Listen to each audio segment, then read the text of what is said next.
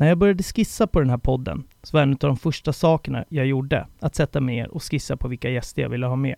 Jag skrev först en lista med folk jag hade i min närhet som jag enkelt hade tillgång till. Den andra delen av listan var några av mina drömgäster och på den listan fanns dagens gäst med. Journalister och media i stort har alltid haft ett stort inflytande på vad personer tycker om supportrar och supporterkulturen. Och väldigt många har missbrukat den makten. Idag ska vi prata med en kille som valde den andra vägen, som öppet valde sig att ställa sig bakom supportrarna. Han har varit en av de starkaste rösterna i debatten gentemot polisen. Han är en otrolig journalist och idag är han chefsredaktör på både Fotboll Stockholm och Fotboll Skåne. Det är en stor ära att säga välkommen till Äkta Fans podcast. Oskar Månsson, hur är läget med dig? Tusen tack för introduktionen får jag säga först. Det är bara fint. Eh, märk märkliga tider förstås. Du, du, och jag skulle ju sitta öga mot öga var det tänkt men jag känner mig lite snuvig och, och, det, och det räcker väl egentligen för att man inte ska eh, utmana ödet på något sätt. Ja men verkligen, det är väldigt eh, udda tider egentligen. Oavsett vad man ger sig in på så, så är allt eh, väldigt udda och allt blir ju så, så nytt. Men eh, jag är väldigt glad att vi fick till det här även fast vi inte kan eh, titta varandra i ögonen när vi spelar in så att säga. Jag tänker att vi ska starta lite grann. Eh, jag tror att de flesta som lyssnar på den här eh, podden har koll på vem du är, men för den som inte har det, berätta lite liksom, vem, vem är du? Ja, nu är jag ju chefredaktör för Fotboll eh, Stockholm och Fotboll Skåne och, och det är ett projekt som jag har startat upp tillsammans med Mårten Bergman, vän och kollega. Ehm, så nu är det alternativmedia som gäller. Förut har jag jobbat på Aftonbladet i många år och uh, lite Expressen, lite Eurosport också. Och tyngden har legat på uh, fotboll nästan hela tiden och det har varit en svensk fotboll, framförallt Stockholmsfotboll som jag har jobbat allra mest med och som jag trivs med bäst också. Och hur kommer det sig då, vart har du vart är du ursprungligen från i, i det här landet? Jag kommer ifrån eh, ett samhälle som heter Hör, eh, som ligger mitt i Skåne. Eh, så där har jag uppväxt. Och sen eh, har jag bott på lite, lite andra platser i Skåne också. I Lund och Malmö. Ehm, och sen flytta till Stockholm eh, i samband med att karriären tog fart kan man säga. Ehm, en praktikplats på Aftonbladet var, var starten för mig när jag flyttade till Stockholm. Det är väl en ganska vanlig väg för, för journalister att man hittar upp till Stockholm kan jag tänka mig. Jag lyssnar väldigt mycket på eh, Filip och Fredrik och sådär. De har väl gjort, eh, båda de två har väl gjort exakt samma resa. Jag tror båda har praktikplatser på, på Aftonbladet och flyttat upp till Stockholm. och blir vi liksom eh, journalister den vägen. Men jag tänker att du är från, ett, eh, från mitten av Skåne. Vart, alltså vart från början kom den här fascinationen, eller vad man ska säga, för Stockholmsfotbollen. Det är väl ganska udda, så i och med att du inte är från början uppväxt med den sådär? Ja, kanske. Eh, jag har ju halva, halva min släkt är från Stockholm, eller Stockholmstrakten i vart fall. Ehm, så jag har ju en eh, viss koppling till regionen, men, eh, men vad det gäller eh, supporterkulturen i Stockholm så började jag egentligen intressera mig för den i samband med att jag började jobba med det. Ehm, jag hade inte det som något specialintresse tidigare. Det är klart att jag kunde tycka det var häftigt med derbyn och tifon och allting som jag följde på avstånd sådär tidigare. Men jag tänkte att om jag ska börja skriva om Stockholmsfotbollen då måste jag försöka förstå supporterkulturen eftersom det, den, det är ju vad som eh, definierar Stockholmsfotbollen. Mm. Det är ju trots allt inte det fantastiska spelet som är det som kännetecknar det hela. Nej, det är väl så. Alltså hela den här ligan eh, är väl Alltså fo fotbollen i sig är ju, jag vet inte vart vi ligger på Europaranken nu, men väldigt långt ner. Men supporterkulturmässigt och det som händer på, på läktarna i stort är ju eh, världsklass liksom. Så det, det, är en udda liga eh, på, på det sättet sådär. Men jag tänker, när, som, som journalist är man, ju, är man ju opartisk i det man skriver, men har du, har du några egna liksom så lagsympatier i Sverige eller utomlands? Alltså något favoritlag som du har följt eller hur, hur ser det ut? Ja, jag har ju ett lag i Allsvenskan som jag håller på eh, och har väl gjort ganska länge kan man säga. Men eh, jag har aldrig varit en supporter. Jag har liksom aldrig identifierat mig på det sättet. Ehm, och den klubben jag har aldrig sagt vilken det är. Ehm, eftersom jag har, känner att jag inte har så mycket att vinna på det. Att då skulle jag snarare få liksom en stämpel att han är sån. Vilket inte stämmer helt enkelt. För att jag, jag resonerar inte som en supporter på något sätt utan jag är mer intresserad av, eh, av kulturen som sagt. Och eh, numera en eh, lite udda grej med hela det här upplägget. Jag bor ju i eh, södra Norge eh, eftersom min fru kommer därifrån. Ehm, så då följer jag ju laget därifrån som IK Start. Ehm, så det är, det är väl egentligen den klubben jag håller mest på faktiskt. Ehm, vilket är den sämsta klubben man eh, bara kan tänka sig att hålla på. För det är en klubb som redan sommaren 2017 gjort 120-130 miljoner minus och inte blivit bättre under tiden um, så det, så där, där kan jag väl, eh, även om jag liksom inte ligger sömnlös eh, över det på natten, så kan jag åtminstone identifiera mig en del med liksom supporterkänslorna där. Eh, dessvärre bara liksom på den negativa skalan om man ja. håller på IK Start.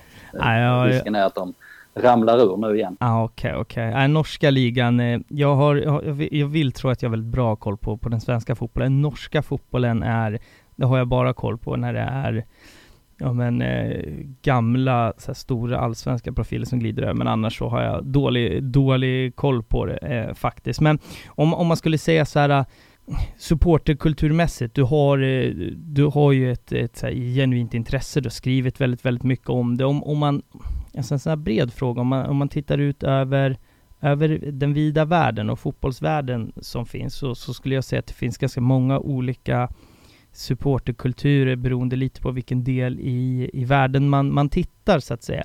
Många i Sverige tittar ju på, på det som händer i Storbritannien, England och på, på, på den supporterkulturen. Vissa dras mer kanske mot den italienska, den, den lite så där det är ultraskulturen, Sydamerika och sådär. Om du i, i dig själv sådär, vad, vad, vilken typ utav supporterkultur sådär triggar, triggar dig mest och, och ger dig ett, det största leendet på läpparna? Om du förstår vad jag menar med frågan? Mm, det är klart att man, eh, om man tittar på liksom en stor match i Argentina eller ett derby där så kan det liksom visuellt känns ju det som bland det mäktigaste som finns. Men eh, jag tycker inte det finns så mycket skäl att blicka utåt. Alltså, för jag har ju jobbat en hel del med internationell fotboll också där i, under mina dagar på Aftonbladet framförallt. Jag har sett en del stora matcher eh, och eh, har sett eh, Old Firm i Glasgow när det har, en av de här matcherna när rivaliteten stod på sin topp verkligen. Mm, mm. Ehm, och det var ju jäkligt mäktigt men jag kunde liksom ändå inte komma ifrån när jag stod där att nej, jag tror fan inte att det här är bättre än AIK och Djurgården.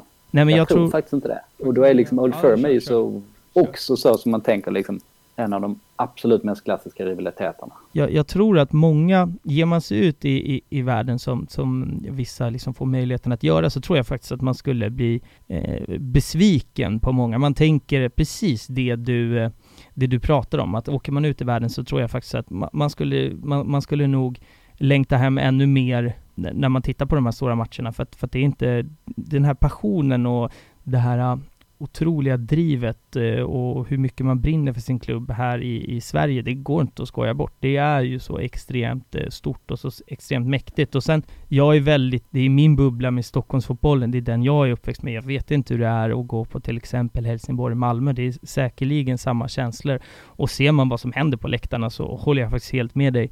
Eh, vi har en otrolig supportkultur här i, i, Sverige. Av den anledningen är ju därför jag vill starta den här podden och bara få, få prata med människor som eh, finns i och eh, runt den så att säga. Så är det. En, eh, om jag bara får skjuta in där med Norge, det finns en ganska intressant jämförelse där tycker jag. Att de ligorna är ganska lika totalt mm, sett, mm. men det som skiljer dem är supporterkulturen. Och det beror på att Oslo-fotbollen, eh, det, ja det finns egentligen bara en stor klubb som spelar där. Det är ju Vålerenga och deras konkurrent och gick i konkurs för några år sedan och, och spelar liksom i division 3 eller något sånt där. Okay. Eller om de kommit upp lite mer. Men det betyder att det finns, det finns liksom inget lok i huvudstaden där. Um, och det är det som gör skillnaden då mellan svensk och norsk fotboll, tycker jag. Um, och supporterkulturen i Sverige är ju, precis som du sa, helt otrolig. Ja, äh, men sen är det väl också, fotbollen har väl pendlat, jag menar, vad ska man tänka, 15 år sedan om någon gick till Norge så var ju det ett tydligt steg uppåt. Idag så är det väl eh, ett steg i, åt sidan eller kanske rent ut sagt ett steg neråt eh, många gånger eh, fotbollsmässigt. Eh, ekonomiskt kanske någonting eh, annat. Vad vet jag, den, den har jag sämre koll på. Men jag ska vara helt ärlig och säga att jag var ganska nervös också inför, inför att, att, att sitta med dig så här för att det, det som jag tänker när jag gör den här podden, det är väl att det går någonstans under liksom, på något hörn så går det lite under en journalistisk anda och sen ska jag sitta med faktiskt ett, eh, ett fullblodsproffs på det, så att det är lite spännande sådär. Men jag tänker att det, det som har gjort dig känd egentligen bland, bland oss supportrar i Supporter Sverige är ju att du gjorde ganska tidigt jag vet inte om man ska säga att du valde sida, men jag tror många, mig och många andra supportrar känner att media under så många år har varit en det har varit liksom, man har haft polisen som en fiende, man har haft media som en fiende, men det har ju liksom tiltat lite under de senare åren och där, där jag skulle säga att du har gått i, i bräschen liksom, där, där du har haft supporternas rygg sådär. Det här med att, om, om vi använder uttrycket att välja sida då, för att det är ju väldigt många journalister som har valt en, en motsatt eh, liksom, riktning på det hela och, och jobbat och skrivit och, och arbetat krasst egentligen emot supportrarna. Så här. När, när valde du den inriktningen? Ja, det har varit en resa kan man, kan man säga. Det förstår jag. Ehm, jag, eh, alltså, jag har inte haft någon agenda från början att eh, nu ska jag liksom eh, bygga supportrarna här liksom. Det har inte varit någon drivkraft för mig. Den enda agendan jag har, om jag har någon, alltså ingen är ju 100%, 100 objektiv. Man försöker sträva ditåt men om man bevakar ett ämne då vill man ju ofta lyfta det ämnet. Så min agenda är ju på något sätt, ja men eh, jag gillar fotboll, jag gillar svensk fotboll och eh, jag ser om svensk fotbolls intressen liksom. Det måste jag kunna erkänna att, att jag gör. Alltså när jag argumenterar i, stö i större frågor så eh, tycker jag ju att fotbollen och supporterkulturen är viktig till exempel. Um, men bortsett från det var det egentligen mest en journalistisk utmaning eftersom eh, eh efter många stormatcher så kom det då gjorde man så, då ringde man till polisen, frågade man vad hände efter matchen och så säger polisen eh, detta och detta hände och så skrev man eh, det som fakta. Mm, mm. Um, och sen så märkte jag att ja, men det kommer ju ganska mycket andra typer av tips till redaktionen. Um, från supportrar som blivit liksom illa behandlade till exempel. Och eh, jag tog ju upp det där och frågade lite om det och fick liksom svar, nej men det där, sånt där skriver vi inte om. Jag var jävligt grön när jag kom in på Aftonbladet. Jag var inte så ung, jag var väl 25 eller 26. Ja, det är inte så ungt i journalistsvängar men jag var jävligt nej, grön i vart fall. Så jag, mm. eh, det tog rätt lång tid innan jag började ifrågasätta det där. Och sen så blev det ju, test, testade jag ändå liksom att göra lite tvärtom eh, många gånger och jag märkte att det eh, togs emot med stor uppskattning. Och sen har jag väl egentligen fortsatt på den banan kan man säga eftersom jag tycker att eh, ja, eftersom ingen annan gjorde på den synvinkeln så ville jag göra det. Mm. Så, så kan man säga. Så det var egentligen mest alltså, en journalistisk utmaning tyckte jag, att det var intressant. Um, och det märkte jag ju ganska, eller efterhand, det gick ju några år liksom innan jag började, innan det tog fart ordentligt. Men jag märkte ju att det var en kamp i, inom branschen. Jag fick rätt mycket skit faktiskt, alltså både internt och eh, eh från andra kollegor. Det var faktiskt min, eh, det var faktiskt min eh, nästa fråga. Eh, hur, eh, hur har det här tagits emot från jag kan tänka mig att idag så jobbar du som, som chefredaktör själv, men jag kan tänka mig att när du inte gjorde det och valde att skriva kanske en kritisk artikel efter det derby om polisens agerande. Jag kan tänka mig att du hade en chefsredaktör då som inte alltid kanske var skitnöjd över det beslutet. Eller hur, hur har det varit med både kollegor och, eh, och, och chefer och sådär? Ja, polisen kom väl in lite, ännu lite senare. Mm -hmm. Det var heller ingen eh, inget mål som jag hade att jag skulle granska polisen. Utan det var ju snarare så att jag trodde att jag läste fel i olika protokoll och så ganska länge innan jag förstod att det fanns en systematik bakom det. Bakom ganska många olika saker. Men eh, vad det gäller supportrarna där, min, det jag försökte göra det var ju liksom att inte dra alla över en kam. Alltså för jag har ju under tiden skrivit jättemycket om eh, skandaler och eh, skit som har hänt på arenorna till exempel för Aftonbladet och det blir ju liksom stora rubriker. Um, och det skedde ju en del saker på arenorna om vi backar liksom, ja, var vi nu är någonstans, sju, åtta år tillbaks. Mm, ja, men verkligen. På ett sätt som det inte, det är väldigt, väldigt sällsynt idag. Eh, att det händer någonting. Men så jag skrev det å ena sidan, men sen så vill jag också eh, inte dra alla över en kam. Eh, lyfta fram de eh, positiva delarna i supporterskapet på många sätt. Eh, och då fick jag höra från minst en chef i varje fall att, att jag flörtade med supportrarna. Um, som var alltså, lite nedsättande. Att jag mm. var liksom populistisk sådär. Men jag tyckte snarare att jag valde den svårare vägen då. Idag är det ju tvärtom. Idag kan jag nästan tycka att vissa yngre kollegor är lite för, lite för ängsliga. Att de har gått lite, de lyssnar lite, lite för mycket på supportrarna på något sätt. Ja, du vet, man är aldrig, aldrig nöjd. Men eh, jag tycker definitivt att det är bättre nu än förr i tiden. När det var eh, väldigt mycket eh, fördomar och att liksom fördöma eh, var det viktigaste för krönikörer hela tiden. Och då var det liksom inte bara fördöma själva handlingar utan då liksom, ja, man drog med större penseldrag. Att ganska många eh, krönikörer var, var så.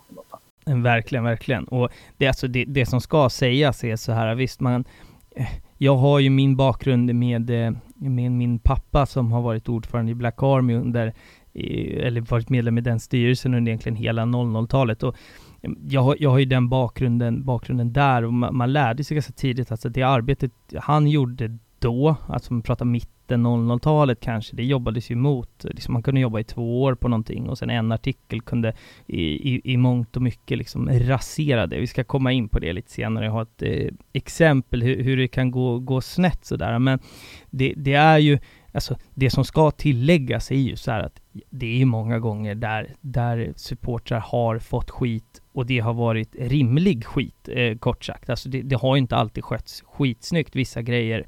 Speciellt tidigare, idag så skulle jag säga att det är lugnare än någonsin att, att gå på, på fotboll ur, ur säkerhetsperspektiv om man eh, räknar bort kanske eh, pyroteknik sådär. Det stökas ju mindre och mindre på läktarna. Det var ju skillnad på att gå på ett, vad ska jag säga, derby på Råsunda 2008 kanske. Det var, det var ju liksom, det var rimligt att man, många artiklar som, som skrevs efter de, eh, Eh, efter de matcherna sådär. Men om man tänker, cheferna säger att du flörtar med, med supporterna och det, det finns ju många kollegor i, i, din bransch som har många gånger gått i, i, i clinch med, med supportrar sådär och eh, om man säger från början när du började och, och liksom granska det här lite djupare och inte dra alla över en kam. Hur var reaktionerna från, från kollegorna så att säga i, när, man, när man sitter och dricker kaffe och, och diskuterar? Uppskattades det och togs det emot eller kändes de som att du, du gick emot deras arbete om du förstår frågan? Det var ju lite olika där. Men jag skulle säga att en majoritet gillar nog inte det. Ett, ett kul exempel som, eh, ja men det är rätt kul i efterhand tycker mm. jag, det var att inför ett derby, um, vad har vi vandrat fram till nu då, kanske 2014 kanske? Um, inför ett derby, då hade jag skrivit en krönika om eh, att eh, det är liksom en fantastisk fest och de här matcherna är ju otroliga på alla sätt, liksom en stämningskrönika hade jag gjort. Ehm, och det hade jag ju också liksom nämnt att, eh, men det finns också en viss oro liksom för att det kan hända saker. Det kommer man aldrig ifrån. Liksom. Men eh, huvuddraget var ju det där om eh, vilken eh, upplevelse vi skulle få vara med om. Och efter den matchen så var det någon slags rusningar längs med ena långsidan. Jag, jag minns inte om det var så här liksom sno en flagga eller vad det nu var liksom. Mm, mm. Men det var rusningar där och folk började slåss. Och någon kastade en bengal tror jag ner på en sektion under. Vi var, vi var på Tele2 Arena i alla fall. Mm, mm. Um, ja men det var liksom eh, bedrövliga scener där um, som då lyckligtvis blev det inte så mycket av det där för jag tror ordningsvakterna fick koll på det. Men när det där hände um, då satt en eh, kollega på en annan tidning som varit med ett tag och så, och så, så, liksom vände sig mot mig och uh, sa typ så här nu ser du vad som händer. Eh, välkommen till Stockholm Månsson, minns jag att han sa. Eh, så han, han liksom han skyllde det på mig i stort sett kändes det som. För så har man ju aldrig gjort. Det blir väl så med alla som, som kliver in på ny, ny mark och folk som har jobbat länge. Så, men så här kan man inte göra. Vi, så här har vi aldrig gjort det och det blir ju någonstans att man hotar deras sätt att jobba. Så är det väl oavsett vad man, vad man jobbar med när man, när man är lite nytänkande. Att det alltid finns folk som inte riktigt köper det, det nytänkandet eh, så att säga. Men alltså, jag tänker så här. Jag har ändå varit med Alltså, jag har gått på, på fotboll i, i 20 år ungefär. Jag har varit väldigt aktiv supporter skulle jag väl säga i 16-17 år någonstans där. Och min känsla är att idag så är journalister överlag i betydligt mycket, alltså de, de är bättre pålästa. Man förstår mer vad som händer, varför saker och ting händer på, på, på en arena. Det var man inte, inte då på samma sätt. Jag vet inte, alltså när du berättade att du börjar på, alltså på Aftonbladet när du är 25. Hur gammal är du idag? Så vi bara får reda ut lite vilka uh, årtal vi pratar. Nu är vi 13 år. Ska vi lägga på där? 13 år? Okay. Jag är 38. Mm, okej. Okay. Nej men för att eh, min bild som sagt är att idag är folk betydligt mycket mer pålästa än kanske när, när du började göra din, din resa som, som journalist. Har jag, har jag rätt eller har jag fel i den frågan, alltså i den tesen? Eh, nej, jag tycker du har rätt eh, i det. Och eh, bevakningen har ju blivit mer noggrann. Den har blivit lite nördigare på många sätt. Eh, fotbollsnördarna har ju liksom fått en eh, större plattform. Där är väl, eh, ja det känns ju som Erik Niva den som har ändrat mycket där. Verkligen. I sättet hur man eh, jobbar med eh, fotboll. Men eh, ja, nej absolut. Eh, dessutom fin finns det ju en stor skillnad, för det var ändå ganska länge som papperstidningen styrde, som vi pratar om kvällstidningarna. Mm -hmm. Att det var printupplagan som styrde. Ehm, och då hade man en deadline och så skulle man skruva till sina vinklar hårt så man fick spektakulära eh, rubriker. Och sen om man hade fel på något sätt, då, då, hade de som man skrev om till exempel, eller supportrarna, hade ju ingen plattform där att svara på något sätt. Då kunde ju folk mejla bara, men eh, det behöver man inte visa för någon, att folk har varit förbannade på, på mejl. Men nu, nu liksom dubbelkollas ju allt i realtid på något sätt. Um, och det blir ju, blir ju en slags uh, kvalitetskontroll. Um, och det är ju av godo på många sätt. Däremot kan det vara, apropå att jag gnällde lite på att, att uh, den nyare generationen kanske är lite för ängsliga.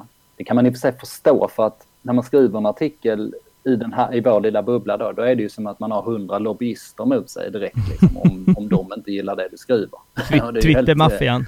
Eh, det är ju helt unikt att man har eh, en sån, ett sånt gäng som rycker ut hela tiden. Um, och det är väl inte bara av godo, eh, kan man väl säga. Nej, men det är väl så med, eh, med Twitters intåg också i, i allt det här, så, så är det mycket, alltså mycket lättare och mycket närmare att, att diskutera med, direkt med personen som är fråga som tycker och tänker saker. Jag menar, där, där vet jag att, att du många gånger till exempel på Twitter har, det, skriver man någonting dumt så syns det pang direkt ut och det är jätte, jättemånga från, från berörda supportergrupperingar som är inne och börjar diskutera. Så det är väl mycket svårare att göra sådana plumpar idag. Alltså man kunde ju skriva, man tänker tio år tillbaka, då kunde man, alltså man kunde ju ha, ha en, en första sida där allt var, var faktafel. Och det, det var ju verkligen så, det var det som var frustrationen att vara supporter när man kände, och det var därför många kände att så här, media är, är en fiende, var just för att så här, men det finns ingenstans man kan försvara sig. Jag vet bara och har tittat på min, eh, återigen exemplet med min pappa när han jobbat och slitit och liksom kämpat jättehårt för att Black Armys namn inte ska dras i smutsen. Och det, allt det kan ju raseras egentligen med, med liksom en artikel och då, då, står man ju där. Det var ju inte så att Black Army då, om vi använder det som exempel, fick, fick samma plats i media dagen efter att förklara, nej men så här var det inte alls utan det är ju en ointressant vinkel som inte säljer lösnummer eh, på det sättet liksom. Ja. Så är det. Sen har ju supporterrörelsen mognat väldigt mycket också. Det går ju hand i hand såklart. En avgrund mellan Black Army på den tiden skulle jag säga nu och hur eh, Allmänna supporterklubben till exempel kommunicerar. Um, det är ju slående i de här polisfrågorna som jag har liksom uh, grävt ner mig mm. i under så många år att uh, där är det ju supportrarna som är, som är de vuxna vid bordet. De som är verserade och lösningsorienterade. Um, och det är polisen som lägger armarna i kors och är fullständigt oresonliga. Ja, verkligen. Och det är ju också en del av uh, utvecklingen att, att uh, supporterrörelsen har ju förtjänat sin plats nu. Um, det har man kanske inte gjort tidigare. Alltså då har man ju varit liksom mer en rivig uh, subkultur på något sätt som vill ge fingret till etablissemanget mer och då har ju liksom medierna ingått och det kan man göra om man vill, men om man, om man vill sitta vid vuxenbordet då måste man ju välja en annan väg. Och det är ju den som man, vi har sett en stor utveckling på de sista eh, fem åren lite drygt. Nej men, nej, men verkligen, och, och det är ju så att alltså, man får inte glömma att så, supporterkulturen i Sverige, den är jättefin, den är världsklass, men den är, den är fortfarande relativt ung. Det första avsnittet jag gjorde i den här podden, då pratade vi om eh, AIK Hockey 80-tal och där, där det någonstans liksom startade. Men man får fortfarande inte glömma att tifon fanns inte, det fanns ingen ultraskultur, firmakulturen fanns inte. Allt det här är ju väldigt ungt fortfarande. Och supporterkulturen utvecklas något så extremt. Och precis som du säger, jag är väldigt beredd att hålla med att idag så är det jag vet inte om det handlar om att man har rätt människor på rätt plats, men det känns som att alltså, det är en, en vuxnare och mognare diskussion. Ibland. Ibland så, så spårar det ur helt när, när fel människor får, får rampljuset och då, då tar man många steg tillbaka och det kan, eh, det kan gå ganska, ganska fort sådär. Men om, om vi hoppar in lite, det, det som är väldigt på, på, på tapeten i, idag och, och där du har varit en jag skulle säga ledande i debatten. Tycker att jag överdriver om jag säger att du har varit ledande i debatten gällande liksom polissupportrar och sådär? Nej, det tycker jag faktiskt inte. Det måste man kunna säga att, att jag har varit så. Ja, jag, Jag säger ja på den frågan. Utnämner mig själv till, ja. Eh, till ledande i debatten. Ja. Eh, det är ju en, flera andra också, som, eller några till såklart. Men det har ju varit konsekvent för mig under många år och jag har ingen, ingen idé om att sluta eftersom det är så mycket skeva saker som pågår. Mm. Jag tänker vi, vi ska hoppa in på, på den nuvarande liksom, debatten gällande polisen också, men i och med att du har varit journalist så, så pass länge, det, det som många som, som lyssnar på den här podden är yngre, man har en tonår, yngre tonår, det, det är sådana som, som har liksom halkat in på den här podden, som har följt mig från supporterkanalen och sådär.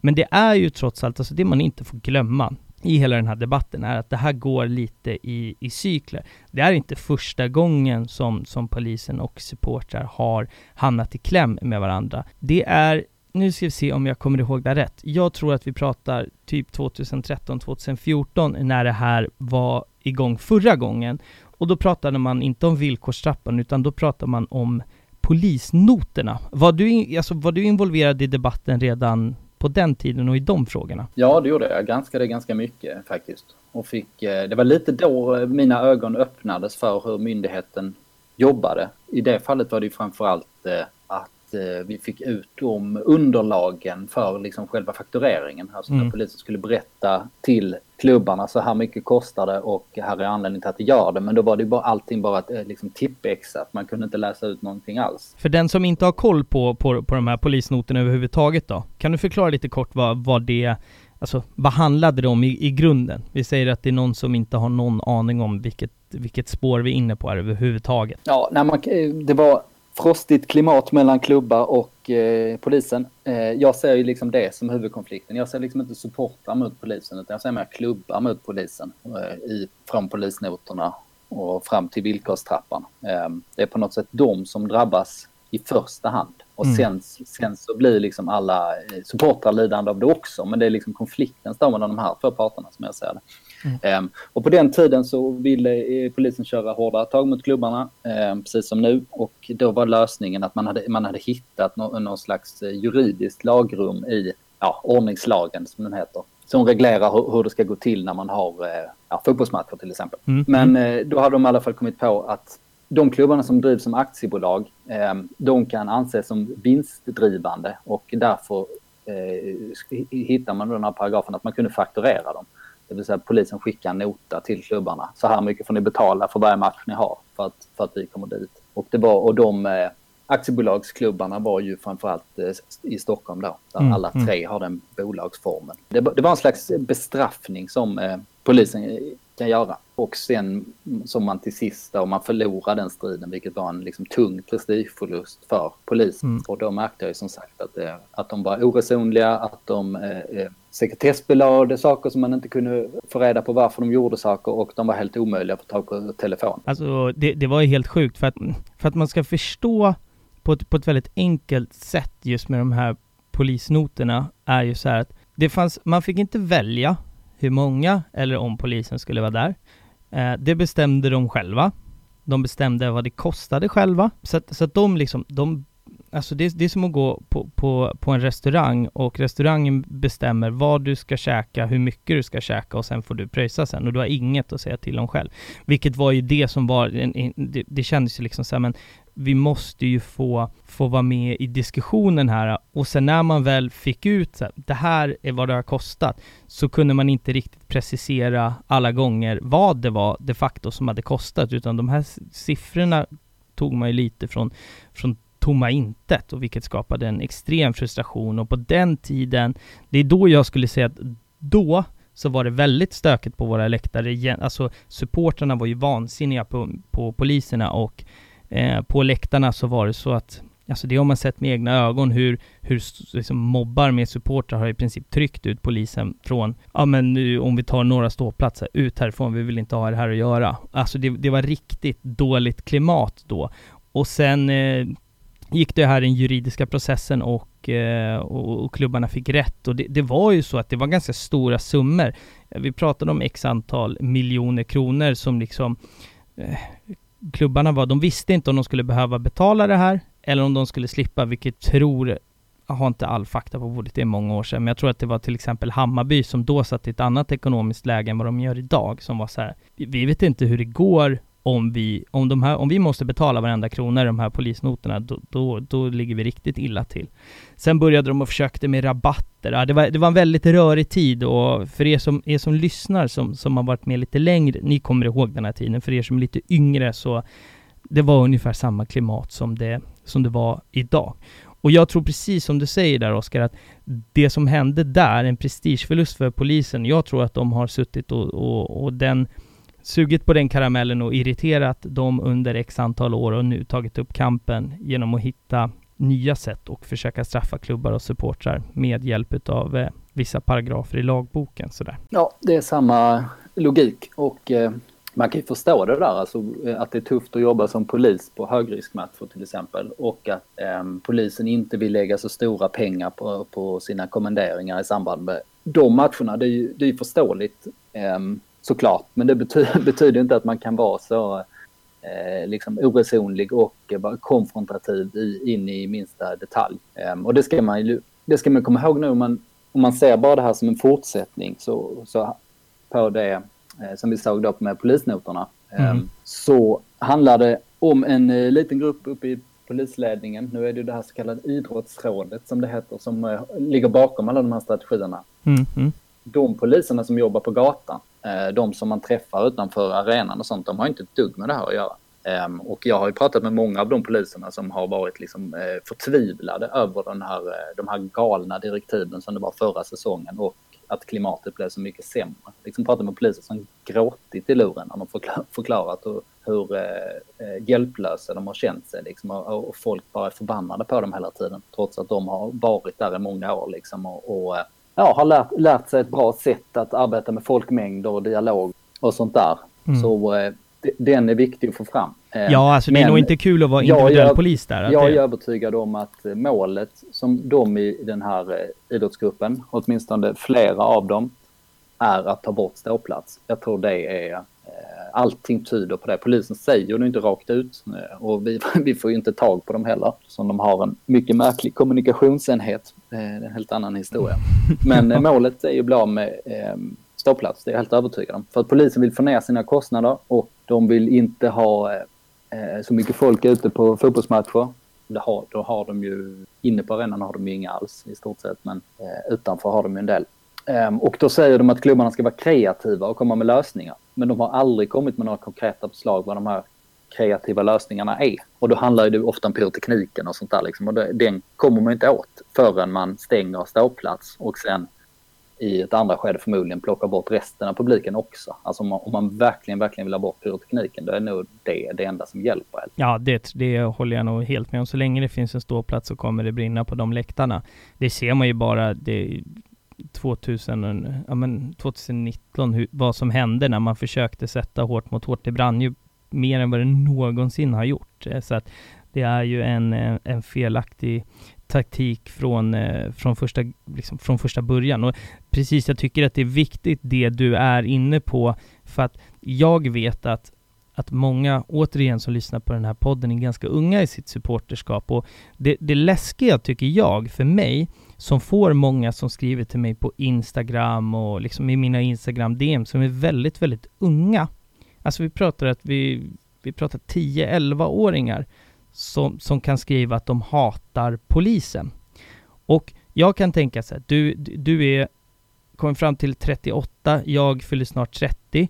Alltså, på något sätt under ett sånt liv så har man haft kontakt med polisen. Man behöver inte ha varit dömd, men man har träffat polisen, man har konverserat med dem i fotboll eller något sammanhang. Men en 11-åring, det alltså, hur många 11-åringar har, har varit med om en incident där polisen har gjort någonting mot den specifika individen som de inte tycker är bra? Det är ju helt omöjligt. Utan den enda anledningen är ju det man hör och också polisen agerar mot supportrar. Så det, det, är väl en läskig framtid när hela den yngre generationen verkligen växer upp med ett polisförakt och att man är rädd för poliser runt fotbollsmatcher. Vad händer när de sen kliver in i, liksom, i vuxenvärlden? Det, och, och ha ett förakt mot polisen. Jag tror att äh, det, det, är väldigt läskigt och jag tror att vi, vi hade, man kan diskutera polisen i, i, i sju timmar eh, i sträck utan att, utan att sätta stopp för det. Men jag tror att vi har en läskig eh, framtid eh, framför oss om, om det här fortsätter. För att det, kommer bara att bli, bli värre, så att säga. Ja, jag håller med. Um, legitimitet är ett bra ord här. Alltså om, om man ska respektera polisen och laga ordning, då måste det vara rimligt i någon mening. Att folk känner att ja, det här är rimligt. Mm. Um, och då kan man ju acceptera auktoriteter. Det är ganska enkel logik. Men om man tar den här pyrotekniken eh, där polisen under åtminstone, vad blir det nu, åtminstone sju år nu har eh, liksom eh, gjort fullständigt oseriösa tester och har liksom eh, riggat och manipulerat eh, testresultaten och vilket sen har legat till grund för regeringens strategi kring eh, eh, fotbollsmatcher till exempel. Mm. liksom helt oseriösa Eh, studier. Som, ja, studier är väl att ta i, men liksom när de slänger ner en massa pyroteknik i en container till exempel och, och sen liksom får helt galna resultat av det. det är, ehm, de, de, då mister man ju den här legitimiteten. För då ja, förstår verkligen. man, ja men det här är inte seriöst. Det är liksom en, en eh, ja, ett sätt att få leta efter de svaren man kan få och, och då kan man göra precis hur som helst och så hoppas man att, att ingen granskar det. Jag ska se till att um, göra det. Det ska... är farligt, eh, precis som du säger där, att, att man liksom, risken är att man radikaliserar folk eftersom man inte tycker att polisen har den här Verkligen. Eh, legitimiteten. Jag ska göra det också. Eh, vi har ju, har ett Instagramkonto, eh, för er som har lyssnat tidigare eh, vet ju att vi brukar lägga upp grejer på Instagram då. Jag ska lägga upp den här artikeln eh, eller någon av de artiklarna som är skrivna om den här, just den här containervarianten, Där egentligen, rätt om jag fel här nu eh, Oskar, men det man gör man, man, ville bevisa att pyroteknik var farligt, så att man slängde in pyroteknik i en stängd container så att luften där inne är jättedålig. Och sen ad, använde man, så skickade man det resultatet till regeringen och sa titta det här är jätte, jättefarligt. Och alltså, det, det, är helt absurt och, och, och, det är det här också som, som har byggt på just den här, så här men, alltså, ja, men legitimiteten, precis som du säger. Att man känner att men det här kan inte, hur kan folk lyssna? Och, och, och när man själv är liksom påläst och, och, och är inne i det här, så det, det bygger en sån otrolig frustration där man känner att så här, men man har inget forum att få höras och det är, det är en otrolig eh, frustration sådär. Men nu har vi ju trots allt en, eh, en, en pandemi som härjar och eh, det, det, finns inga supportrar överhuvudtaget. Nu börjar det ju, vi får se lite, det kommer nya restriktioner eh, precis eh, innan vi satte oss ner och började spela in det här. Men vad, vad tror du händer när det öppnas upp igen för supportrar när pandemin är över? Kommer vi se en ståplats i svensk fotboll något mer? Ja, det är en bra fråga. Eh, mycket bra. Det senaste som, som vi hört nu är ju att, att det finns någon dialog igen.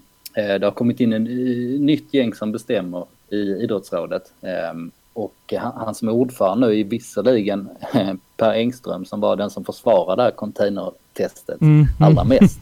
ja. Jag hade en eh, fantastisk intervju med honom i samband med en av granskningarna.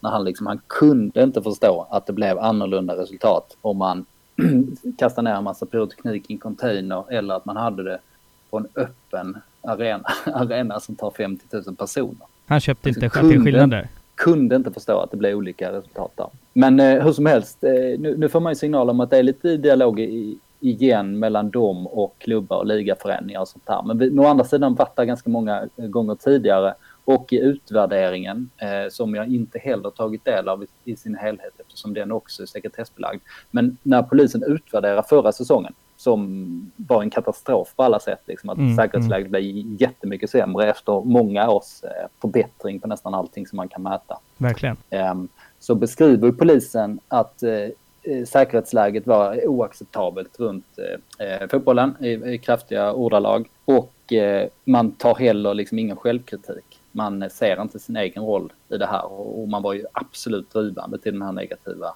utvecklingen. Men man gör inte det. Ehm, och det har ju polisforskningen i, liksom i ett bredare perspektiv visat många gånger att polisen kan inte lära sig av sina misstag. De är helt ointresserade av det. Utan det är liksom bara att gå vidare och försvara sig som är, som är metoden hela tiden. På så vis eh, var det ju skönt att det inte blev någon publik i år egentligen. Eh, givetvis deppigt på alla sätt, men bara ur det perspektivet så tror jag det hade slutat illa liksom, när man fortsätter med de här vansinniga direktiven. Ja, verkligen. Så ja. nej, det hade, det hade, inte sett bra ut. Men som sagt, lite tecken på någon slags dialog nu. Så man, man kan liksom inte helt ska stänga dörren för att det kan bli lite bättre igen. Ja, jag är, jag är helt med dig. Eh, det, det är så otroligt spännande att se en hel myndighet och så många personer helt sakna liksom så självrannsakan.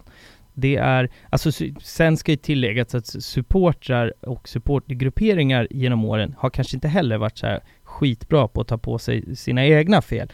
För det ska gudarna veta att det, det, har ju skett, det där går ju åt två håll, men jag tycker att supportrar idag är mycket bättre på att fördöma egna händelser, att så här, det här hände, det här blev inte bra överhuvudtaget. Men där är man ju, det är lite det som du var inne på förut, att man, man är nog de, de vuxna vid bordet där man, där man kan erkänna sina, sina egna fel sådär.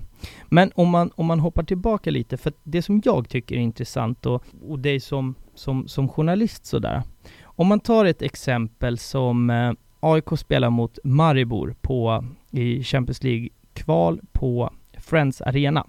Det är en otrolig, eh, det, det sker ju en, en skandal där egentligen.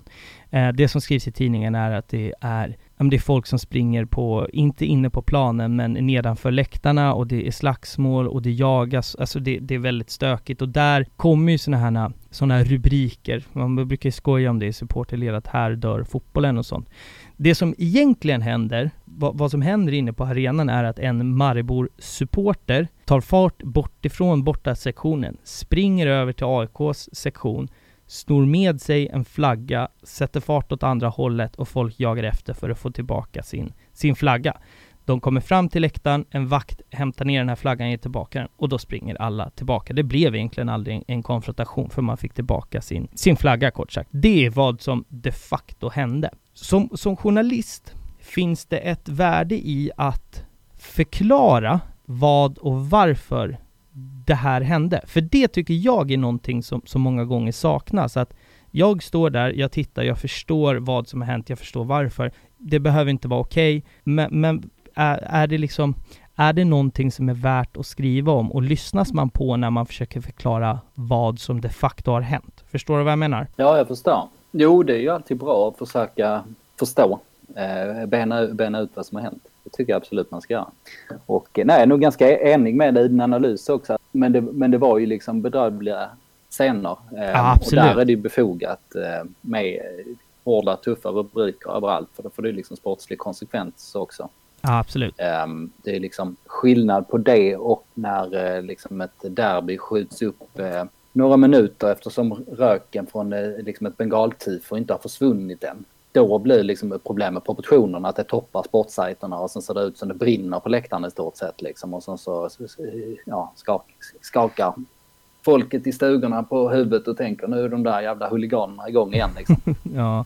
Um, men Nej, så jag, men jag håller med. Jag tycker det var ju liksom, där har jag liksom inga problem med några skandalrubriker när det blir på det sättet. Nej, det kanske är ett ehm, dåligt exempel. För det kan ju också vara så att de, de eh, som sprang där nere kanske inte var de eh, snällaste eh, killarna heller. Nej, Vad vet jag, så är det ju. Om man, om man bara ska spekulera. Men eh, absolut, man kan, ju, man kan ju sätta det i proportion också såklart. Ja, nej men det, det, det kanske är ett dåligt exempel, men, men det som jag upplever många gånger och det, det som supportrar tror jag upplever i, i stort är att våran sida av vad som har hänt när det är sådana här krigsrubriker, den blir sällan, sällan hörd. Jag hade till exempel, eh, så hade jag eh, Staffan Sving, här, gammal ordförande i, i, i Bayern Fans i ett tidigare avsnitt. Och det var ett derby som hade blivit avbrutet på grund utav att man det hade skjutits in eh, smällare mot familjeläktaren. Det var rubriken det som hade hänt det är att i, alltså bakom kulisserna hade man varit där, man hade testskjutit, man hade gjort alla, allt för att det där skulle vara säkert och liksom ingen överhuvudtaget skulle skadas. Sen när man väl står med den pyrotekniken så kliver vakterna upp och börjar bryta armar, vilket gör att de som håller i grejerna, då riktas det om och då hamnar det på familjeläktaren. Alltså även där, sådana här saker är man vill ju att den bilden, alltså som supporter sitter man ju så frustrerad, så här, men det var ju så här, det var ju det här som hände. Men jag vet inte, det kanske är så enkelt att de i stugorna kommer aldrig ta till sig den bilden, utan de nöjer sig ganska mycket med att skaka på huvudet och att alla är liksom huliganer och tokiga liksom. Men jag, men jag delar ju absolut bilden där, att det, oftast är det ju felaktigheter. Mm. Väldigt ofta. Verkligen. Um, det var ju ett Göteborgsderby i fjol till exempel. Där man uh, rapporterade i direktsändning om att uh, någon har blivit skadad och uh, förts till sjukhus. Just um, det. Och sen pratade vad var det nu om det var ja, GT eller GP, någon av Göteborgstidningarna, pratade med polisen där eh, som sa jo men det stämmer och eh, det har förmodligen med bengalerna att göra, sa den här presstalespersonen. Och eh, det är ju en sån typisk grej liksom och det blev ju liksom eh, krigsrubriker, eh, person till sjukhus, ehm, har med bengaler att göra, stora bengalbilder där det ser ut som det brinner mm. och sen var allting i det här felaktigt. Det var, in, det var faktiskt ingen som hade blivit förd till sjukhus heller. Ja, man försökte ju um, hitta den här personen som, som, som liksom hade,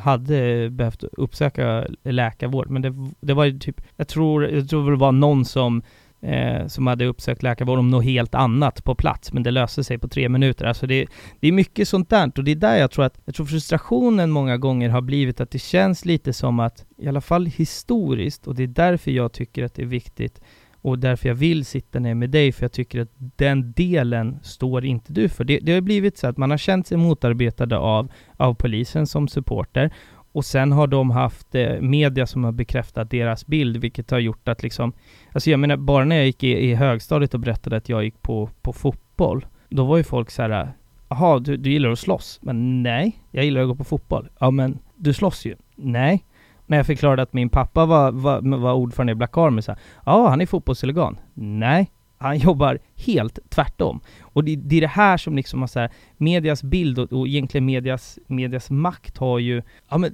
det, det, det, det har varit tufft att, att, att jobba emot. Vi ska komma in på, på just så här, vilken makt media faktiskt har eh, snart, men jag tänker att vi ska i alla fall, vi ska hoppa in på ett segment. Jag har två segment i den här eh, podden. Vi ska hoppa in på, på det första och det heter Rätt eller snett. Det är ett påstående som jag har. Det kan vara en fördom, det kan vara lite drygt, kan vara en armbåge i sidan eller bara en, eh, ett påstående som, som jag har gällande den gästen som jag har. Så här låter mitt eh, påstående till dig då, får vi se om jag är rätt eller snett på det. Fotboll Stockholm och Fotboll Skåne har flugit så bra som det gör på grund av att du tidigt valde supporternas sida. Annars hade det inte flugit lika bra som det gör idag. Rätt eller snett? Jag får väl erkänna att, det, att, att du har eh, en poäng här faktiskt. Så är det ju. Ehm, sen kan vi diskutera om det är medvetet eller inte. Nej, alltså, det, det, det innehåller faktiskt frågan inte. mig ett annat ämne. Men eh, nu har det liksom blivit det här och då blir det ofta att man fortsätter att granska. Eh, så man får mer och mer kunskap och får mer tips som drar åt det här hållet. Jag har ju till exempel försökt eh, granska huliganismen i eh, Stockholmsklubbarna, försökt mm. i jävligt många år. Och har bara varit väldigt nära att få till riktigt bra historier. Eh, men inte lyckats med det i, i slutändan. Nej, det är Så, svårt kan jag säga. Jag försöker också. Jag är intresserad också. av det också på något sätt. Men eh, ja, absolut. Det har ju gynnat oss eh, just under fjolåret. Mm. Inte minst.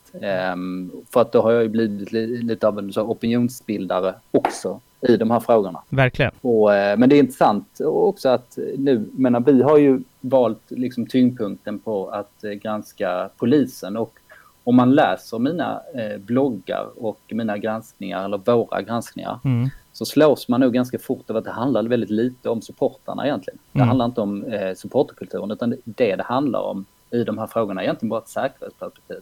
Alltså mm. hur gör man det så det blir trevligt och bra för eh, fotbollsbesökarna? Och då har jag liksom argumenterat att polisen gör precis tvärtom, kan man säga. Mm. Mm.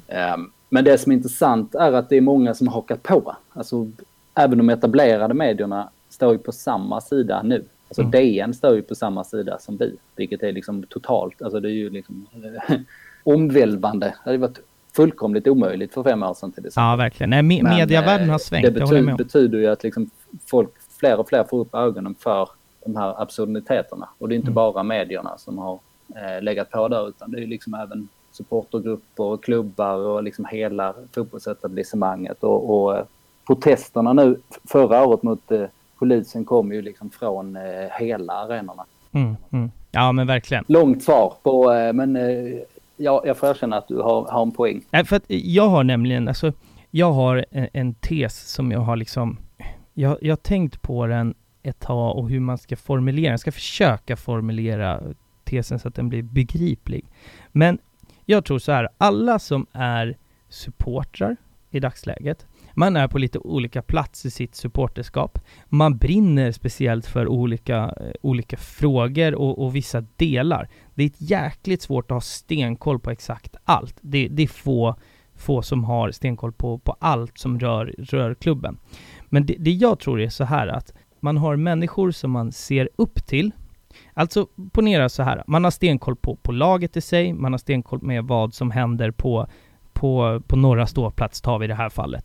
Eh, men man kanske har sämre koll på styrelsen, vilka som sitter i styrelsen, eller man har sämre koll på polisfrågan. Och det man gör då tror jag, eh, många, det är att man hittar en person som man, som man tycker är vettig, som man litar på, som man lite ser upp till, och sen tar man den personens åsikter, så här tycker den personen i, i polisfrågan, och sen kopierar man den, alltså den åsikten jag vet inte om det här blev begripligt nu, alltså, men förstår du lite vart, vart, jag, är, vart jag är på gång? Ja, men absolut. Det, det, det, som, det som jag kan se i, i, i mig själv, så här, jag läser den, eh, försöker läsa på, men det som, det som du har blivit och därför jag skrev dig så tidigt som jag sa i, redan i introt, att sen, det här är en av mina liksom, drömgäster, var att just polisfrågan, det är så mycket att sätta sig in i. För det är så många synvinklar och det är så många röster som hörs.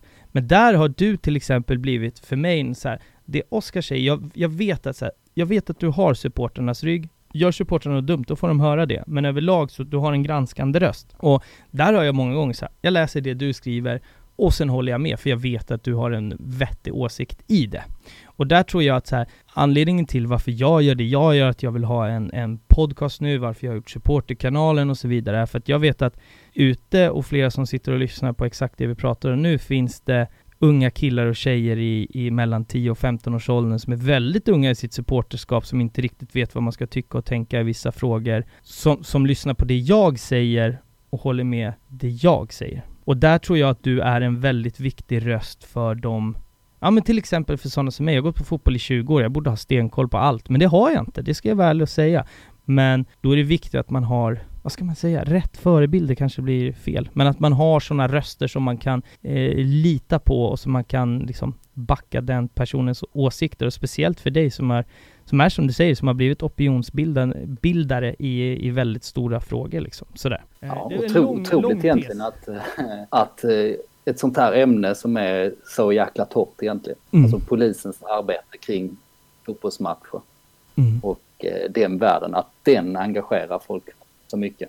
Mm. Eh, men, men, det är ju, men det är ju sådär som du säger att alltså å ena sidan gynnas vi av eh, det här. Eh, men det, det, det, är ju främst på grund av eh, kritiken mot polisen eftersom jag är så extremt kritisk mot dem. Men annars om man, om man liksom hade haft mer klickperspektivet, mm. då hade det ju varit bättre att välja den andra vägen så att säga. Verkligen. Eh, för jag har inte så starka åsikter egentligen vad det gäller liksom totalen i fotbollen, utan jag är mer så här, nej nu får vi nyansera saker och, och ting mm. Eh, mm. lite. Men om jag hade liksom mer varit, eh, kolla vilka jävla idioter de här är eh, som går på fotboll, då hade det liksom, ja, då hade man ju kortsiktigt tjänat på det. Ja, nej men det, det jag menade också med min rätt eller snett där är så här, att hade du i dagsläget, vi säger jobbat på Aftonbladet eh, fortsatt, så hade du garanterat fått mer klick om du sa att, eh, alltså skrivit en artikel här då fotbollen. För de som inte är involverade i fotbollen liksom är ju fler än de som är involverade. Så. Och de tycker det är betydligt mer intressant att läsa här då fotbollen än att det var publikfest, för det skiter väl de i. De, alltså,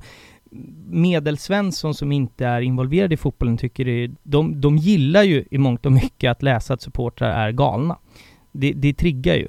Men i din, alltså i nuläget där du har en mer riktad fotboll, fotboll Stockholm, fotboll Skåne och där du har liksom eh, vissa artiklar som är pluslåsta och så. Det är exakt den vinkeln som funkar då för att få trogna eh, läsare dit. Så det är det jag menade lite med min, med min rätt eller snett där helt enkelt. Sådär. Men jag tänker att vi ska hoppa in lite överlag sådär. Nu har vi pratat mycket polisen. Jag tänker att vi ska hoppa tillbaka lite till, eh, till media och sådär. Media har otroligt, otroligt mycket makt. Alltså vad, vad som skrivs i tidningarna är vad folk tycker överlag sådär. En jättebred eh, fråga som kanske är svår att svara på, men, men om man håller det till det här ämnet. Vilket ansvar har liksom mediejournalister för att visa en rättvis bild. Ja, man har ju stort ansvar. Det är inte, inte tal om annat. Eh, den liksom agendasättande delen är ju största för eh, medierna. Så mm. nej, man har ju definitivt ett ansvar att eh, liksom vara rimlig någonstans och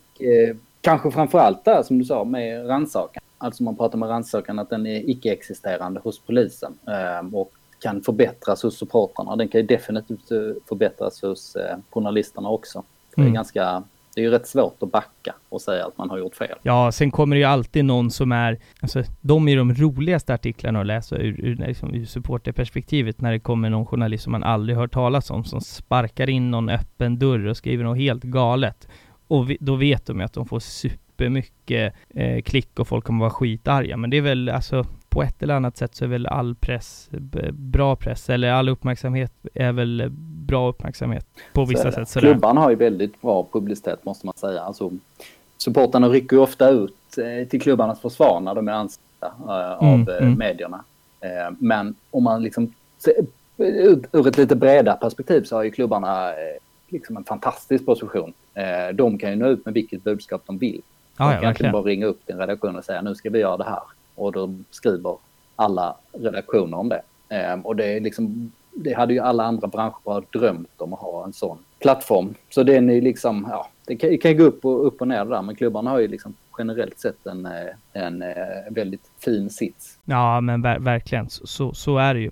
Och jag tänkte, vi, eh, när vi är inne på det, när man just pratar så här, vilket ansvar man har, vi har varit inne och nuddat lite vid det, men jag ska ett, ett, ett konkret exempel, för, för er som har lyssnat på podden så tror jag vi pratade om det i avsnitt tre, när, eh, när min pappa var gäst. och Vi pratade om AIK fotboll. Det här är ett sånt exempel som, ja, då var jag ändå, jag var typ 15 eller någonting i den här stilen. Ordförande i Black Army då jobbar jättehårt, han satt jättemycket och var i, i, i möten med, med polisen och då hade de, alltså under en period så hade de väl ganska bra kommunikation så.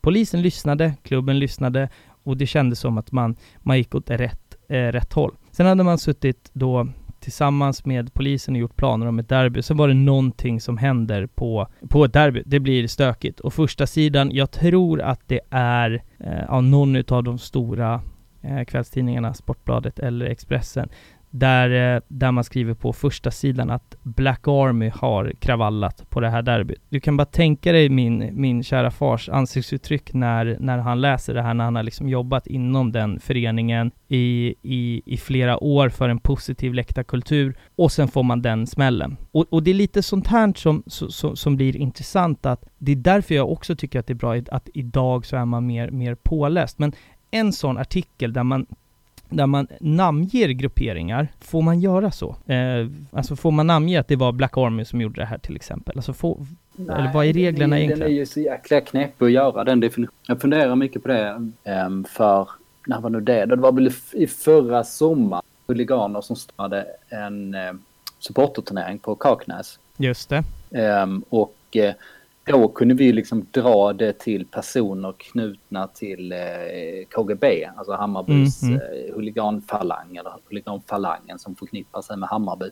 Så långt gick det att dra liksom och då hade jag verkligen pratat med flera personer som var där liksom och som kunde ge en rätt detaljerad bild. Men eh, där, där, vill jag vara otroligt försiktig annars. Eh, det, är, det, är, svårt om man börjar etik etikera, etikera folk på det sättet. Mm. Eh, så det blir, det blir oftast fel, eller det blir problematiskt på, eh, på något sätt. Utan nu vet jag inte just hur det här exemplet var som du tar upp. Nej. Eh, det, ja, det, det, är väldigt, det är väldigt svårt att landa rätt där i alla fall. Ja, nej, det är väldigt och, länge eh, sedan ansvar, också. så leder det ju ofta då till att man drar alla över en kam. Ja, verkligen, verkligen. Nej, men det, det är, det är ju sådana här sådana saker nu, nu är det schysst att kasta upp ett exempel till det som är 15 år gammalt. Den är, men, men det är bara, bara där hur man visar att helt plötsligt så har så har man jobbat väldigt länge för att opinionsbilda att vi gör bra saker och med en tidningsrubrik så kan man helt rasera det arbetet. De som är, alltså det spelar ingen roll om man hejar på Mjällby eller Örebro så fattar man om man är inbiten så förstår man att det inte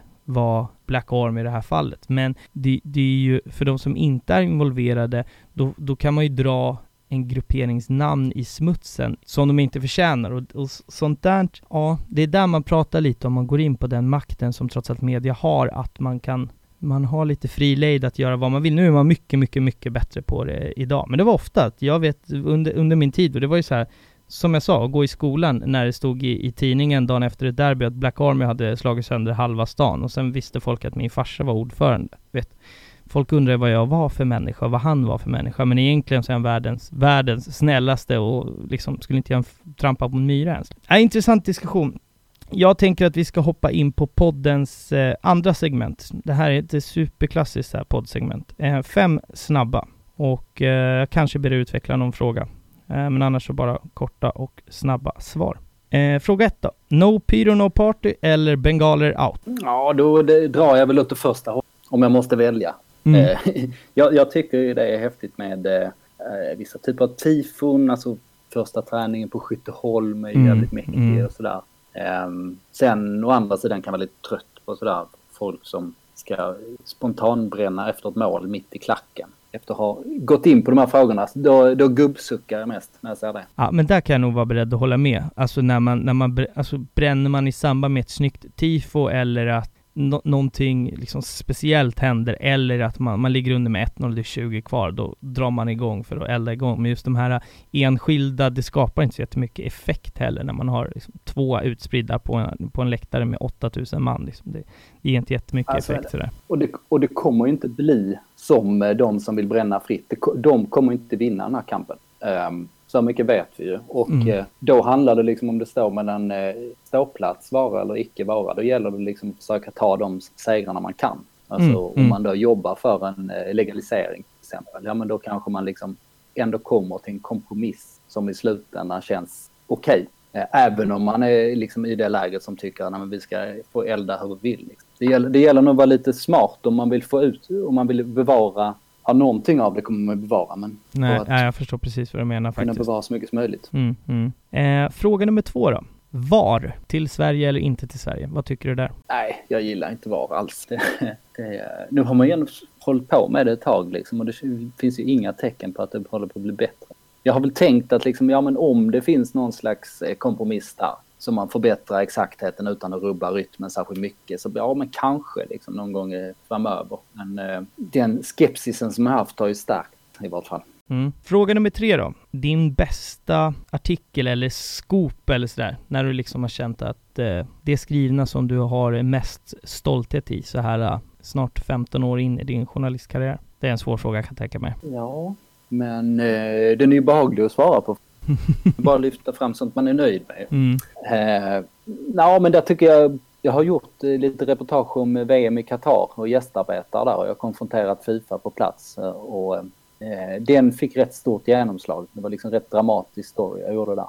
Mm. Så den vill jag nog ta upp och sen så annars är det, är det nog de här polisgranskningarna som tagit så jäkla lång tid och som faktiskt har eh, ändrat debatten. Eh, mm. till exempel den här stora pyroteknikgranskningen där jag kunde visa hur polisen steg för steg hade liksom riggat och manipulerat eh, allting. Och det var inte ens meningen att jag skulle göra det, utan från början var det jag, Kristoffer Bergström, min kollega på Aftonbladet där. Mm. Vi ville bara ta reda på hur farliga är bengalerna. Alla liksom, det, det finns två läger här som skriker, men det är ingen som vet hur farliga de är. Och det var egentligen det vi började med. Och ja, Kristoffer, jag vet inte, jag tror, tror inte Kristoffer gillar bengaler alls, men han är intresserad, nyfiken journalist mm, helt enkelt. Mm, mm. Eller så gillar jag, ja, jag, vet, jag vet faktiskt inte. Men det var det som var poängen och det var då som jag trodde att det stod fel i de här rapporterna. Att liksom, oj, där har polisen tolkat det lite fel och det stod fel i det där mejlet och den slutsatsen stämde inte heller och sånt. Så, så det var liksom en spännande resa som så till sist då kunde jag ju, när jag tog det vidare efter mm. att jag slutat på Aftonbladet, eh, det blev kontrovers kring den här granskningen, kunde visa att det var en systematik som polisen gjort där och, och att det, den låg till grunden för regeringens strategier. Mm. Och, det, och det har liksom bara fortsatt sen, sen dess. Mm. Och sen var det en granskning om polisen om våld också, varför ingen polis har blivit dömd för misshandel, som fick ganska stort genomslag. Så de tar jag väl upp då, på mm. den behagliga mm. frågan. Ja, men, amen. Och självklart, för vi, återigen här så, eh, vi kommer ju självklart att, att lägga upp en hel del på, på Instagram så att man får det, så, så man kan se det visuellt också och det kommer finnas eh, länkar vars ni kan läsa det här också, så det kommer jag fixa. Fråga nummer fyra då. Konstgräsdebatten i Sverige. vart, ställer du dig i frågan där? Jag står någonstans i mitten där. Jag hoppas liksom på en teknisk utveckling. Att man eh, närmar sig hybridgräs. Jag tror det är den bästa lösningen. Alltså jag hade ju gärna haft bara naturgräs. Mm. Men eh, jag, tror, eh, jag tror inte det är en särskilt framkomlig väg. Det handlar liksom om, om eh, hur arenorna är byggda, vad kommunerna kräver och hur man ska få ihop hela paketet. Liksom. Så så jag hoppas på en teknisk utveckling, att konstgräset blir bättre eller att man hittar en mix som gör att eh, liksom de lagen som är konstgräslag nu får ett, ett, bättre alternativ. Och sen kan man väl hoppas på att de som har vanligt gräs fortsätter. Mm. Ja men grymt. Sista frågan då. Om du fick ändra på en sak i fotbollssverige, vad skulle du ändra då? Då skulle jag ändra polis idrottsråd. Det, det är de som ligger bakom så mycket av det, eh, de trista grejerna som vi pratat om då. Mm. Eh, ändras deras synsätt på eh, fotbollen. Och man hade liksom på två veckor hade man kunnat ändra allting. Tror jag. Man hade bara kunnat säga alright, nu backar vi, nu lyssnar vi på klubbarna, nu ska vi samarbeta här för att det ska bli säkert och trevligt och eh, folk ska fortfarande få liksom leva ut den här kulturyttringen. Mm. Så hade allting blivit bättre, men så funkar det inte när man är totalt förstenad av prestige. Mm. Ja, men det, det är prestige nog. Eh, det är det ordet jag landar i också när, eh, när, man, när man tänker på den här debatten. Det är verkligen eh, prestige och det är att, att förlora, om, om man ska använda inom citattecken, förlora mot supporterna igen skulle vara en extrem prestigeförlust för, för polisen. Sådär. Ja men strålande, då har vi gått igenom eh, det andra segmentet. Vi, vi har några saker kvar, det är inte jättemycket kvar, men jag tänker att vi, i och med att jag, du, du är en opinion, opinionsbildare, jag har, jag personligen har extremt eh, liksom stor respekt för, för, för, din åsikt. Jag tror att många i supporter-Sverige delar den bilden. Så att det som är väldigt, väldigt aktuellt eh, nu när vi spelar in det här är ju Eh, Eh, RF, eh, Björn Eriksson, som eh, ah, det debatteras väldigt mycket om, om de här pengarna som har, har gått ut till, eh, till fotbollsrörelsen och hans vara eller icke vara, så att säga. Vad, vad är din take där på, på Björn Eriksson och RF? Ja, att eh, Björn Eriksson har en mycket märklig syn på eh, sitt arbete. Mm. Han ska ju företräda idrotten. Han har liksom finaste förtroendeuppdraget som finns eh, i hela den fina svenska idrottsrörelsen. Men han verkar ju mer stå på myndigheternas sida. Han är ju liksom en gammal, han har ju varit eh, alla roller man kan ha i myndigheten. ja, verkligen. Ja, inte minst inom polisen. Men eh, Eh, istället för att driva eh, idrotten och fotbollens frågor som vi, vi har tittat mer på så har han ju varit den som har liksom utvecklat vad myndigheterna har sagt. Mm. Så att när fotbollen eh, kraftsamlade för att dra igång säsongen, vilket var liksom, ja men det var konkurser och massarbetslöshet i potten liksom och, och klubbarna gjorde allt för att kunna bara få igång det och överleva helt enkelt. Då gick Björn Eriksson ut och sa att liksom fotbollen har spårat ur helt och vi pratar om den värsta krisen i mannaminne och klubbarna pratar om att kicka boll. Ehm, så att han liksom... Ja, och, och det, det märkliga är att han tar ju eh, alla diskussioner med myndighet. Han går ju in och tar det istället för eh, förbundet och SEF som tidigare har hållit dialogen med polisen. Till exempel gick Björn Eriksson och tog den själv. Um, och det var också en grund till att man kom fram till de här villkorstrapporna, de här galna direktiven. Mm. Um, så att, och sen har han ju samtidigt vilket Expressen visar i en stor granskning, har liksom varit lobbyist för vaktbolagen samtidigt som man drivit fram en, en politik eh, via RF om att vaktbolagen ska ta en större plats. Och för mig är det ju enkelt att han ska ju bara rakt ut, alltså fullständigt olämplig för eh, sin roll och har varit till stor skada. Mm. Men därmed, där, med allt det här sagt så kommer RF inte kunna påverka det här eh, Eh, den här fördelningen till klubbarna. Alltså RF kommer inte kunna säga till att eh, nej, AIK ska inte ha de här pengarna för nu värvar de för många spelare under sommaren. Alltså mm. så som de varit ute i debatten. Men i slutändan är det inte de det kommer landa. Vilket jag kanske grämer Björn Eriksson lite, som har liksom ett extra horn i sidan mot just AIK. Ja, så är det. Det är sen, sen gammalt. Eh, förutom eh, Björn Eriksson så har även kultur och idrottsministern, vars namn jag eh, nu tappar, eh, men fått väldigt... Amanda Lind. Amanda Lind, tack. Eh, har fått också väldigt, väldigt mycket liksom, kritik. Det är mer i pandemifrågan sådär. Om, om den eh, kritiken är, är rimlig eller inte, det, det, är upp till bedömaren sådär. Men tycker du att Sverige bör ha en dedikerad idrottsminister och inte klumpa ihop idrott och kultur? Eh, ja, det tycker jag absolut. Så pass stor industri och den verkar inte ha så lätt liksom att göra sig hört. Alltså det är då Björn Eriksson som kan sitta myndigheterna. Så ja, absolut, man borde ta idrotten på på större allvar. Mm. Ehm, jag har lite svårt med insynen där vad det gäller Amanda Lind, hur mycket det är liksom henne, eh, hennes beslut som styr i, i slutändan. Men, men eh, ja, det hade varit en god idé. Mm. Mm. Ja, men strålande. Jag har egentligen bara en fråga kvar till dig innan, innan vi kommer in på den sista och avslutande frågan sådär. Vart hittar man dig? Berätta om liksom, om, här får du chansen att, att, att pusha lite sociala kanaler och pusha Fotboll Stockholm, Fotboll Skåne, sådär. Eh, vart, vart hittar man er så att säga? Jag hoppas att om man lyssnar på det här så hittar man mm. fotbollskåne.se, fotbollsstockholm.se. Finns i appversion också och eh, på sociala medier så finns jag främst på Twitter. Det är, väl där jag håller på att debattera de här frågorna kan man säga. Och tjafsa med supportrarna.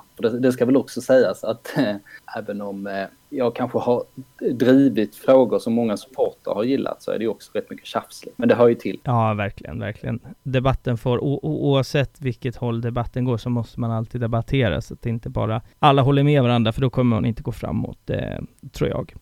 Eh, den sista frågan som jag alltid avslutar den här podden med, det är grunden till varför jag gör den här podden. Det handlar om supporterkultur.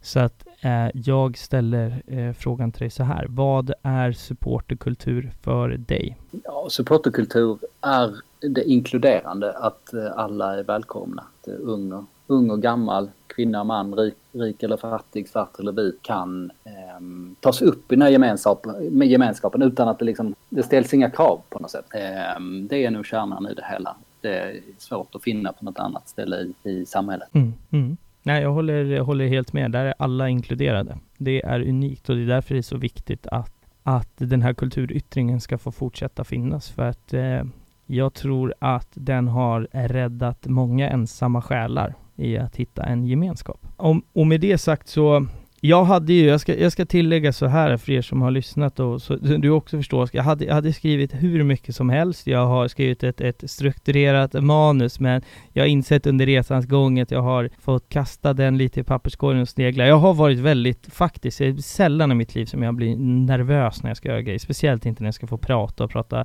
supporterkultur, men idag så har jag varit det. Jag vet inte, det återstår att se när jag klipper det här om det har, har märkt sådär, men det har varit eh, en jäkla ära att ha dig med. Jag är jättetacksam att du ville ställa upp och att vi fick till det här trots eh, att vi inte sitter eh, bredvid varandra, att vi kunde göra det här på, på avstånd. Har du några sista ord att putta in innan vi stänger för dagen? Nej, jag får väl bara tacka igen för att jag fick vara med och för dina eh, fina ord. Och eh, så hoppas jag att man eh, läser eh, Stockholm och på Skåne. Ehm, och vi har ett eh, jäkla bra gäng som eh, jobbar, som är eh, duktiga journalister som brinner för det. Jag hoppas att det märks verkligen.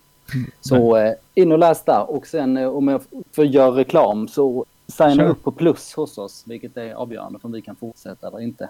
Mm. 25 ehm, spänn i månaden kostar det. Det finns ingen bindningstid så gör det så kan det göra jättestor skillnad för oss. Det är en, en grym bevakning. Om, om man inte hade koll på det innan så är det ju en mycket mycket, mycket tajtare bevakning på på eh, de klubbarna än vad, än vad som kommer någon annanstans ifrån och väldigt mycket andra vinklar som man inte får någon annanstans. Så att det, eh, jag gör reklam för samma sak. Men med det sagt då så eh, så tackar vi för, för dagen och glöm inte att gå in och följa poddens sociala medier, Akta Fans Podcast, Instagram och Twitter, så hörs vi nästa vecka helt enkelt.